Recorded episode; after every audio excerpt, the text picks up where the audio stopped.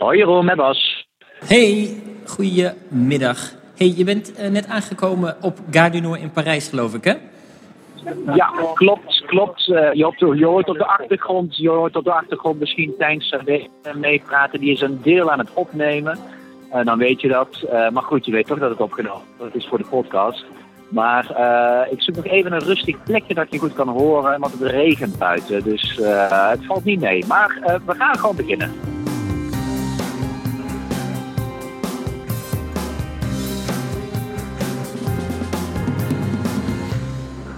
Mooi, want je bent inderdaad net vanuit Brussel naar Parijs uh, aangekomen. Want uh, vandaag een, uh, een groot debat in Parijs op je, op je agenda, geloof ik.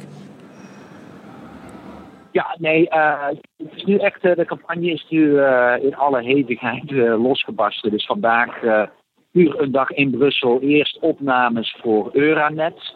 Dat is een, een samenvoegsel van heel veel radiostations die dat doen.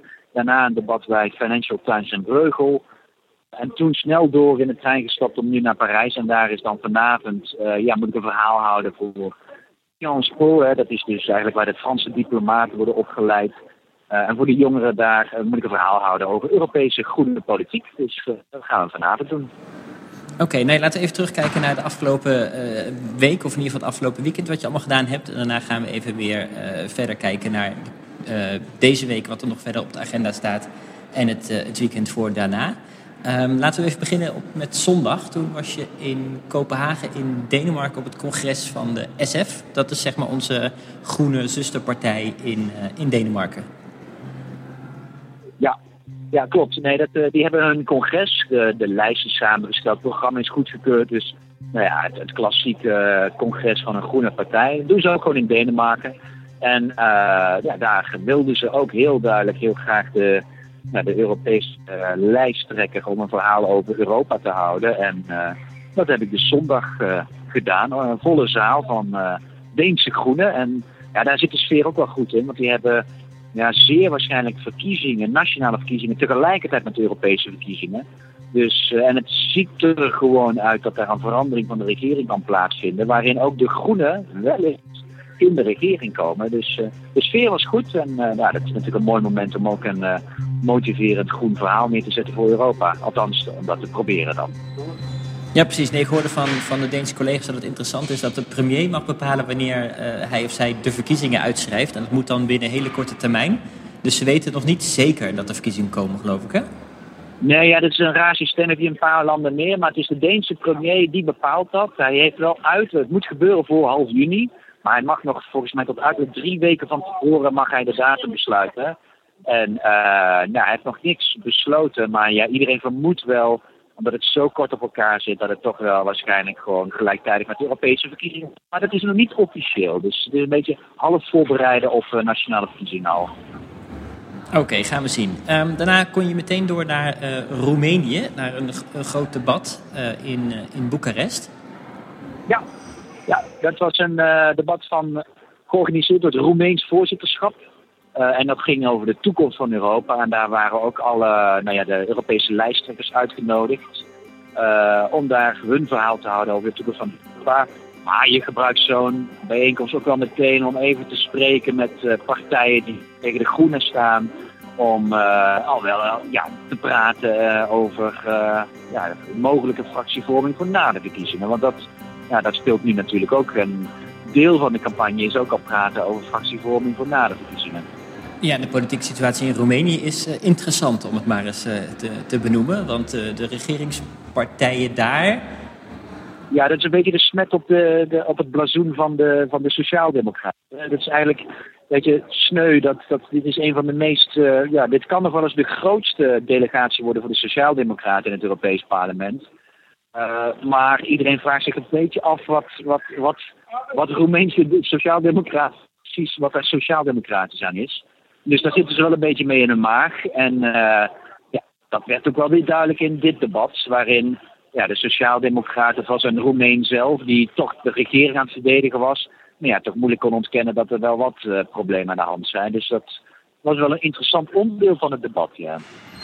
Oké, ehm, dan gaan we even verder terug nog naar, naar vorige week. Dat was weer een, een Straatsburgweek. Uh, ik pik even twee itempjes van, de, er gebeurde een hoop. En mensen moeten vooral even op onze website kijken uh, als ze het hele overzicht hebben. Maar ik dacht, ik pik er even de twee, uh, twee dingen uit. Het eerste was over jouw rapport over de vergroening van de financiële sector. Daar is nu plenair, dus door het hele Europarlement over gestemd. Ja, ja dat was een stemming die we hadden in Straatsburg ehm, we hadden natuurlijk gehoopt, en ik denk dat dat altijd is, uh, wat de bedoeling is, is om nu ook echt de financiële sector uh, nou ja, te vergroenen en te zorgen dat zij ook uh, gaan leveren aan het Parijsakkoord, klimaatakkoord. nou, we hebben nu de eerste stap gezet. Dat wil zeggen dat in ieder geval elke investering die zichzelf groen gaat labelen, dat die aan strikte regels moet voldoen, zodat je niet aan greenwashing kan doen. Want iedereen kan natuurlijk wel zeggen dat een investering groen is. Maar wat betekent dat nou? Nou, we hebben nu regels goedgekeurd als parlement die heel duidelijk maken wat die regels zijn, wat dan groen is. Uh, en we hebben ook heel duidelijk gemaakt dat bijvoorbeeld investeringen in steenkool nooit groen kan zijn. Dat uh, investeringen in fossiele infrastructuur niet groen kan zijn, in kernenergie niet. Dus ja, dat, dat laat gewoon uh, ja, toch weer zien dat wij ja, weer een stap hebben gezet. De vervolgstap is natuurlijk om straks ook heel duidelijk te gaan identificeren wat juist een niet-groene investering is. Maar daar hebben we nu nog geen meerderheid voor gekregen. Volgende stap wordt dat. Oké, en um, het tweede grote onderwerp uh, op de plenaire was toch ook nog even Dieselgate. Um, we zijn vier jaar verder nadat het dieselschandaal uh, losbarstte. Maar volgens schattingen nog steeds ruim 40 miljoen dieselauto's op de weg die niet aan de normen voldoen. Uh, een tijdje geleden hadden we het hè, over de rechtszaak die, die de grote steden begonnen waren tegen de Europese Commissie. Die kregen gelijk. Ja. Maar de commissie besloot om in beroep te gaan, want ze zijn het niet eens. Maar ondertussen blijven die auto's op de weg, dus wat gaat er gebeuren? Ja.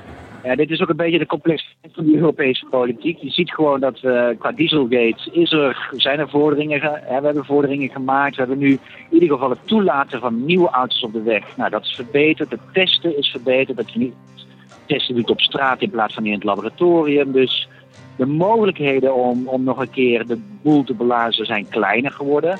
Maar uh, bijvoorbeeld ja, al die vervuilende auto's die nu nog op de straat rijden. Ja, dat is nog steeds een nationaal besluit wie die auto's terugroept. Uh, hoe verplichtend je eigenlijk laat zijn dat die auto's nog een uh, ja, soort update moeten krijgen. Niet software, maar juist ook hardware. Ja, en... ja, mag je je auto eigenlijk inle inleveren? Mag je terug naar de garage? Als je zelf als, als Europeaan zo'n auto hebt gekocht, je komt er nu achter, hé, hey, ik heb een Schumel-diesel. Wat kunnen consumenten doen nu eigenlijk? Nou, dat ligt dus per land. Helaas is dus het antwoord waarin het uh, per land verschilt hoe dat nu, wat jij als consument kan doen. Uh, een mogelijkheid om als ja, Europese consumenten gezamenlijk een actie te voeren is nog heel beperkt. Dat willen we dus ook heel erg veranderen. Uh, maar nu is het heel puur feitelijk dat je afhankelijk bent van het land waarin je woont. En bijvoorbeeld in Duitsland uh, heeft Duitsland een regeling dat jij een nieuwe auto kan kopen. Maar dan krijg je wat korting, maar het is nog steeds dat je gewoon eigenlijk verplicht bent een hele nieuwe auto te kopen. Uh, dus bepaalde uh, autofabrikanten hebben een software-update beloofd. Maar daarvan is ook al heel veel kritiek dat hij te weinig doet. Dus dit laat gewoon zien Dieselgate is nog steeds niet Europees helemaal opgelost. En dat was ook het centrum debat in uh, Straatsburg. En ja, dit zal ook weer zo'n onderdeel zijn waarin wij als GroenLinken van nog verdere versteviging en verbetering van wetgeving willen, ook na de verkiezingen. Yep. Oké, nou even door naar uh, deze week. Daar hebben we een zogenaamde mini-plenaire. Dus even betekent... snel dan, want weer uh, wel zo door. Dus, je moet weer verder, uh, inderdaad. Er zijn wat mensen die, ja, ja, die willen door. We moeten door, anders kom ik te laat bij mijn volgende activiteit. Precies, nou dan doen we heel snel nog Europees landbouwbeleid. Dat zeg ik heel snel, maar dat is natuurlijk een mega dossier. Uh, dat is ook nog, uh, daar hebben we het eerder al over gehad, dat is in de Milieucommissie gestemd. En nu heeft ook de Landbouwcommissie van het Europees Parlement daar een uh, oordeel over gegeven. Ja, dat is eigenlijk nu een laatste actie van, voor, voor, deze verkiezingen die we kunnen doen op landbouwhervorming. en helaas is het zo dat de Landbouwcommissie, ja, die die heeft het ongelooflijk weer, eigenlijk alle ideeën die wij in de Milieucommissie aangenomen kregen, hebben gekregen, die hebben ze weer teruggedraaid. Dus al onze ideeën om het groener en eerlijker te maken, daar is nu vrij weinig van over.